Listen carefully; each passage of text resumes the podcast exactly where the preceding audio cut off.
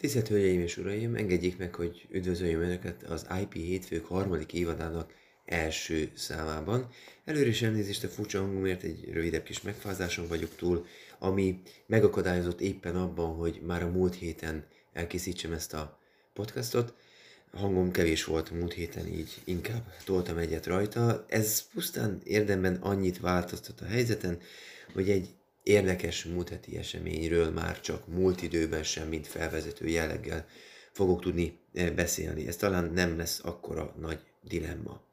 Vágjunk is bele, a mai napra öt alpontot írtam föl ide magamnak azzal, hogy az első rész az egy eh, kis lágy, könnyen bevezető eseményekről, konferenciákról szóló tömör összefoglaló. Mert hogy az elmúlt héten illetve az ezt következő hetekben számos olyan kiváló esemény lesz, amelyre nézve én örömmel hívom fel a figyelmet a podcast hallgatóit, eh, hallgatóinak a figyelmét, hiszen javarésze online és eh, regisztrálni még mindig lehet. Kezdjük a múlttal, hiszen eh, az első számú dolog, amiről beszéltem volna, az a múlt héten pénteken, szeptember 24-én a Pázmány Péter Katolikus Egyetem Jog és Államtudományi Karán megszervezett tattai emlékkonferencia volt. Ezen a programon egy nagyon ö, szép számú szellemi tulajdonnal is foglalkozó csoport ö, gyűlt össze, hogy először egy nagyon kedves megemlékezés keretében ö, ejtsen szót a karidéken, illetve megbízott tanszékvezető úr, Tattai professzor úr hagyatékáról, majd ezt követően egy közös plenáris ülés, illetve három párhuzamosan futó szekció munkájába kapcsolódhatott be az érdeklődő, illetve jelenlévő közönség. Mm, erről az eseményről konkrét blogbejegyzést is tervezek közzétenni, ezért pusztán annyit mondok, hogy öröm volt hallgatni ezúttal is, hiszen nem először hallottam hasonló témakörben, illetve általában véve pedig főleg Faludi Gábort beszélni a CDSM irányelv szerződési joggal kapcsolatos rendelkezéseiről. A plenáris ülősen ezen kívül hallhattunk földrajzi járójelzőkről, védjegyjogról, képmások védelméről és a hungarikumokról is. Ezen kívül három olyan szekció került megszervezésre, amelyek úgy nagyon szép tematikusan álltak össze. Az elsőt a nyelv határozta meg, ugyanis angol nyelvű előadások eh, hangoztak el itt, egy kivételével magyar kollégáktól, de a Drezdai Helena Jachromi kolléganő is körénk gyűlt, illetve csatlakozott hozzánk. Hallottunk itt CDSM irányelvről, jogérvényesítésről, szakértői kérdésekről, tört, jogtörténeti szemüvegen keresztül nézve, idézésről, filmelőállítókról, illetve empirikus kutatásokról is. A másik két szekcióban épp ezért, hiszen én az angol nyelvűben adtam elő, nem tudtam jelen lenni. A blogon jó esetben a harmadik szekció tartalmáról valamelyik bloggertársam, vélhetőleg Újhelyi Dávid, még írni is fog nekünk, hiszen egyébként a hét előadó közül négy bloggerünk is volt, és nagyon érdekes dolgokról, szomszédos jogokról, ismételten CDSM irányelvekről, irányelvi kérdésekről, szabadalmi kérdésekről is hallhattunk. Akik ott voltak, bocsánat, tehát hallhattok bloggertársaim. A harmadik még nem említett panel pedig egy ilyen jóval átfogóbb és a szerzőjogtól jóval távolabb álló panel volt. Itt jogtörténeti kérdésektől, merchandising jogokon át, kényszerértékesítésig, üzleti titkokig hallhattak előadást az adott panelbe ülő kollégák. Nagyon-nagyon szép esemény volt, nagyon sok, nagyon mély és minőségi előadás mellett. Méltó megemlékezés Magyarország egyik legszeretettebb szellemi tulajdonnal foglalkozó professzoráról, vagy professzorával kapcsolatban, Tatai Leventével kapcsolatban. Örömömre szolgált nekem is egyébként őt ismerni, de kollégák, akik őt közelebbről ismerték, rendkívül szép személyes élményeket is megosztottak még a nézőkkel. Lépjünk tovább, mert a múlt mellett számos jövőbeli érdekesség is várható. Először is hadd említsem meg azt, ami ezen a héten, pénteken kerül megrendezésre, ez pedig a Copy21 blogshop. Immáron az ötödik blogshopot rendezi a Copy21 csapata, kiegészülve olyan kiváló kollégákkal ezúttal is, mint Pogácsás Anát, illetve házigazdánk Gradjenge Anikó. Házigazdánkat mondtam, hiszen ezúttal a BM-én személyes jelenlét mellett is lehetőség lesz erre a, ennek a konferenciának, bár ezt tudatosan blogshopnak, nem is workshopnak hívjuk a meghallgatására, azzal a kiegészítéssel, hogy az előzetes jelentkezések alapján az 50 potenciális személyes jelenlévő már megvan, tehát leginkább már csak online, zoomos részvételre lehet jelentkezni. A konferencián nem csak a CDSM-ről fogunk beszélgetni, hanem számos további érdekes szerzőjogi kérdésről mindig röviden, 10 perces blogposztnyi terjedelmekben, és kiváló hír, hogy végre nem csak végzett jogászok, hanem egy végzős jogász hallgató is érkezik majd a Pázmány, bocsánat, Pázmányról előadni. Úgyhogy csak arra tudok mindenkit összönözni, sarkalni, hogy a blogunkról is elérhető, bocsánat, program mentén, aki lelkesedést érez még magában, az, az jelentkezzen. További programok. Október 5-én, 6-án a Licensing Executive Society Hungary megszervezi szokásos éves konferenciáját, ezúttal is online lesz, most ezúttal online lesz, még tavaly februárban volt lehetőségem személyesen nekem is részt venni, ezúttal a szervezők biztosabbra mennek és online, de rendkívül széles programot kínálnak, jól látható kétnapos, és két napon belül is rendkívül sok panel, panelenként is egy, egy host és két-három-négy előadó vesz majd részt. Javarészt ez iparjogvédelmi vonalú konferencia, de lesz szerzőjogi konferencia is nagyon kiváló előadók bevonásával. Az eseményre van lehetőség még online jelentkezni, azzal, hogy felteszem, hogy a Danubia által biztosított tárgyaló, tehát a, a, a Danubia Kft. tárgyalójában össze is lehet jönni, maximum 40 fő erejéig. Úgy hiszem, hogy ez a 40 fő ez már adott, tehát aki még csak most hall erről az eseményről, az véletlenül már csak az online programra tud jelentkezni. Természetesen a linket a podcast blogos oldalán közé fogom majd tenni, tehát meg lehet találni. Nem, nem ért véget az események köre, egyelőre csak fölvettem, mert az e-mailt csak ilyen tartalommal kaptuk, szétődét jelleggel, November 4-én és 5-e lesz a két napja a Magyar Iparjovédelmi Egyesület szokásos őszi konferenciájának. Na, ez bizonyosan online lesz csak. Lesz benne legjobb tudomásom szerint az október, ah, most november 4-i napon szerzőjogi szekció is, a többi pedig alapvetően, ahogy az szokott lenni, és inkább iparjogvédelmi vonal lesz. Végül még egy, most visszaugrunk egy kicsit az időben, rosszul írtam fel ide magamnak az információkat, október 26-án, tehát durván egy hónap múlva angol nyelvű konferenciát reklámozok. Az Egyesült Államok szerzői jogi és szabadalmi és védjegyjogi hivatala, ez két külön hivatal, tehát egy közös programot szervez a, a mesterséges intelligencia innovációi, innovációs kreativitási kérdéseiről, amelynek az aktualitását részben az adja, hogy a mai napon én is fogok beszélni egy eh, iparjogvédelmi és eh, mesterséges intelligenciás kérdésről az Egyesült Államokról.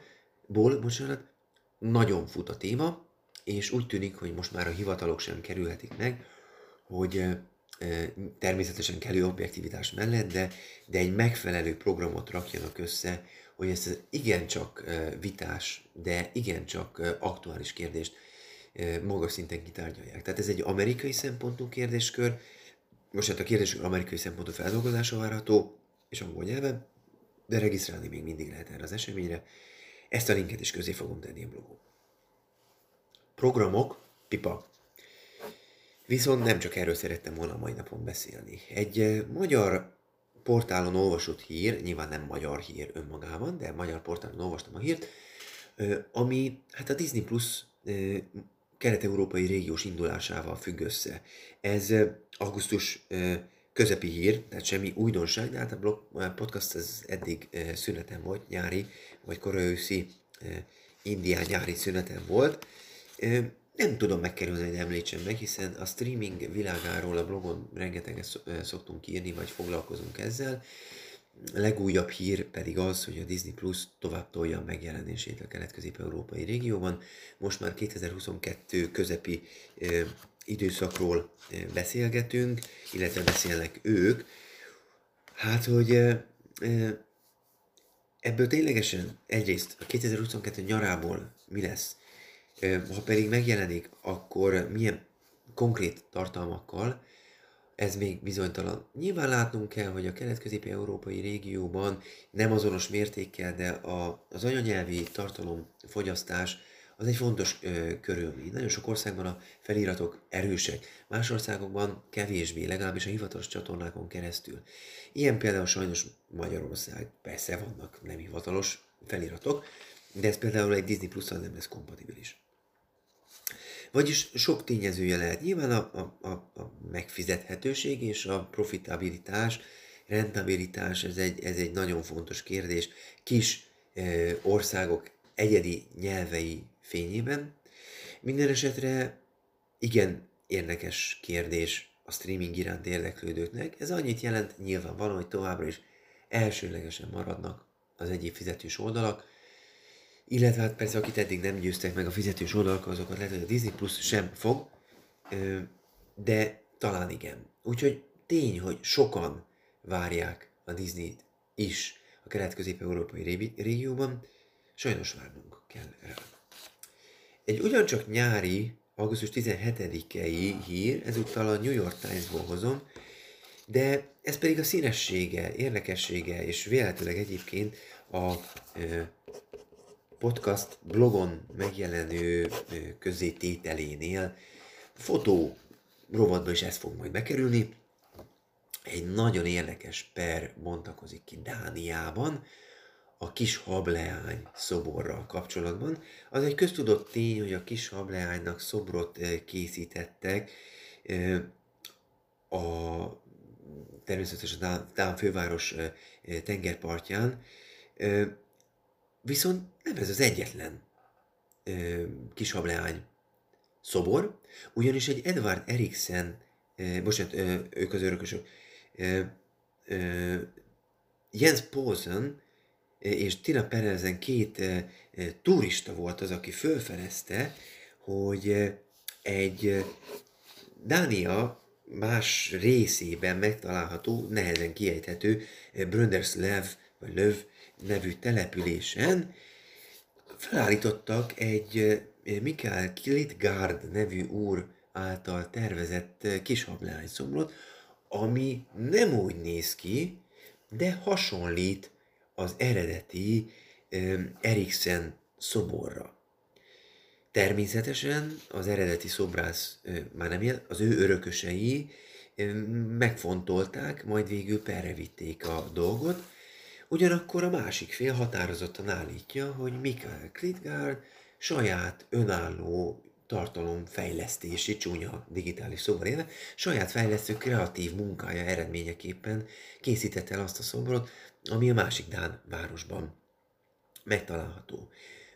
Rendkívül érdekes ügyről van szó, nyilvánvalóan hát, könnyen eladható témakör, hiszen ez az egyik, ha nem a legismertebb Dán 20. századi szobor, és mindenki, aki oda megy, szereti megnézni, szerencsére nem fogdoshatja, mert egy kicsit a, táv, a, a, a parttól távolabb áll, tehát nem ugrál senki bele a vízbe, hogy fölmászol rá, és megsimogassa bizonyos fedetlen testrészeit ennek a szobornak, mint mondjuk más köztéren elhelyezett szobrok esetén ez szokott lenni. Viszont fölveti azt az alapvető stratégiai és eljárásjogi kérdést is, hogy bizonyítható-e a másolás kérdése, megint másként nézve, persze bizonyítási tehert megfordítva, tud-e védekezni ez a Kritgard nevű úr azzal, hogy ő ténylegesen, ha bár állította, ismer, természetesen ismeri a szobrot, sőt, még úgy fogalmazott, inspirációt is nyert tőle, mégis a másodlagos második számú szobort, azt ő saját önálló, kreatív alkotó tevékenységével, gondolatai mentén hozta létre. Ha nem mulasztom el a potenciális, és véletőleg Dániában ugye a kiegyezés nem annyira mindennapos, mint a perenkívül megegyezés az Egyesült Államokban, igenis elképzelhető, hogy ebből bírósági ítélet lesz. Ha pedig ez így lesz, akkor igyekszek a podcastban, blogon erről még beszámolni, én látok egy jó esélyt arra, hogy ebben az ügyben az alperes megúszhassa a felelősségre vonást, de ezt bíróságnak kell egyértelműen majd kimondania. A következő, visszalépünk az Egyesült Államokba, de azzal, hogy távolabbról indítom, ugyanis nem az Egyesült Államok az első olyan e, bírós, e, ország, ahol egy bíróság, most konkrétan tehát bíróságokról beszélgetünk, vélemény kellett, hogy formáljon arról, hogy a Steven Thaler e, és az ő koprodukciójában egy mesterséges intelligencia által fejlesztett e, szoftver, e, Dabus, az részesülhet-e szabadalmi oltalomban. Még a podcaston is elhangzott az első lépcsőnek tekintett brit elutasító bírósági, most brit eh, szervi tulajdonvédelmi hivatali elutasító álláspont, majd eh, a nyár folyamán, napra pontosan most nem tudom fejből megmondani, napra, eh, tehát nyár folyamán Dél-Afrikában született egy ezzel ellentétes bírósági döntés a dél-afrikai bírósági döntés kimondta, hogy a DABUS az bizony regisztrálható, még akkor is, hogyha a adott tartalmat egy mesterséges intelligencia fejlesztette. Na most, legújabb lépcsőként, ez egy kora szeptemberi hír, a, hát az ítél, bocsánat, a, hír, amit olvastam, konkrétan nem jelöli meg, bocsánat, a a, a szövetségi bíróságot, de mivel az Alperes, a Szövetségi, Szabadal, a Szövetségi Szabadalmi és Védjegyjogi Hivatal, ezért feltehetőleg a Washingtonban székelő Federal Circuit nevű bíróság volt az illetékes bíróság. Egy szó, mint száz, Steven Thaler beperelte az USA Szabadalmi és Védjegy Hivatalát, amely elutasította a DABUS regisztrációját, és a bíróság a hivatalnak adott igazat. Most tehát ott tartunk, hogy a világon kettő elutasító és egy támogató álláspont, mind a három ö, angol száz országból érkezik, mégis kettő-egy ellenében egyenlőre a mesterséges intelligencia által fejlesztett tartalma, és kizárólag mesterséges intelligencia neve alatt regisztrálni kívánt tartalmat, szabadalmi oltalmát kettő egy arányban, tehát elvetik a releváns országok. Érdekes kérdés, szinte biztos, hogy még fogunk erről beszélgetni. Végül egy záró ö, hír.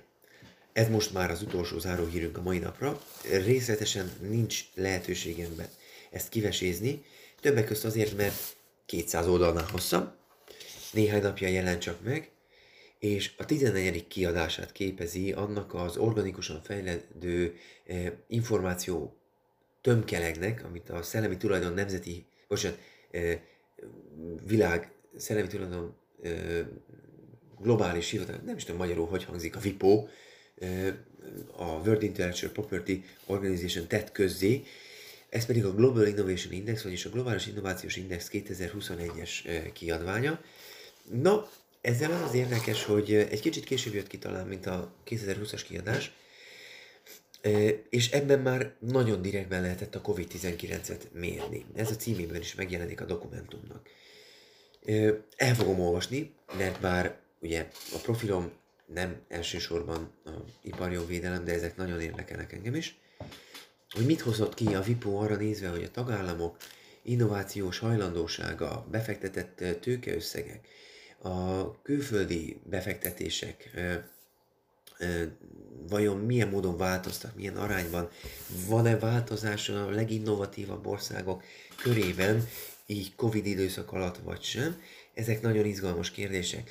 A 200 oldalas dokumentumot be fogom linkelni a blogon ismételten.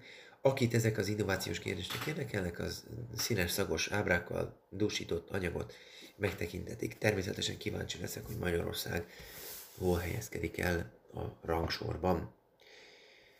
Ugyanakkor a mai podcastot ezennel eh, le is zárnám. Nagyon szép, most érünk majd a 20. perc végére.